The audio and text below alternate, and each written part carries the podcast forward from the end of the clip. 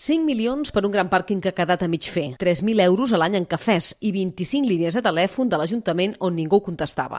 Són alguns exemples que ajuden a entendre com Mollà, de poc més de 6.000 habitants, va acabar sent un dels municipis més endeutats de l'Estat, després de 28 anys de govern convergent.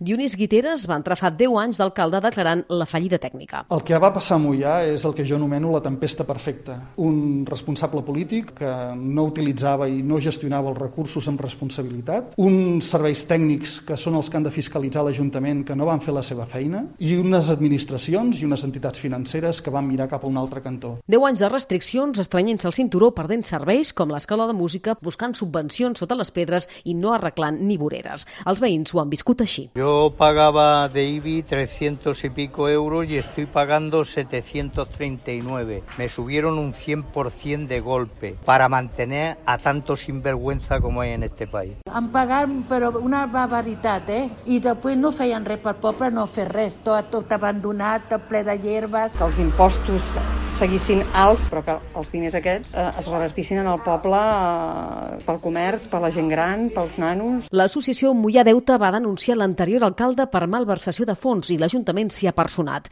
Dida Crimoldi n'és el portaveu. L'administració no va, no va actuar, i de fet no ha actuat fins que no hi ha hagut denúncies per part d'algun grup polític o dels propis veïns i sempre ho ha fet amb lentitud i amb molt poca determinació. El judici podria arribar als pròxims mesos.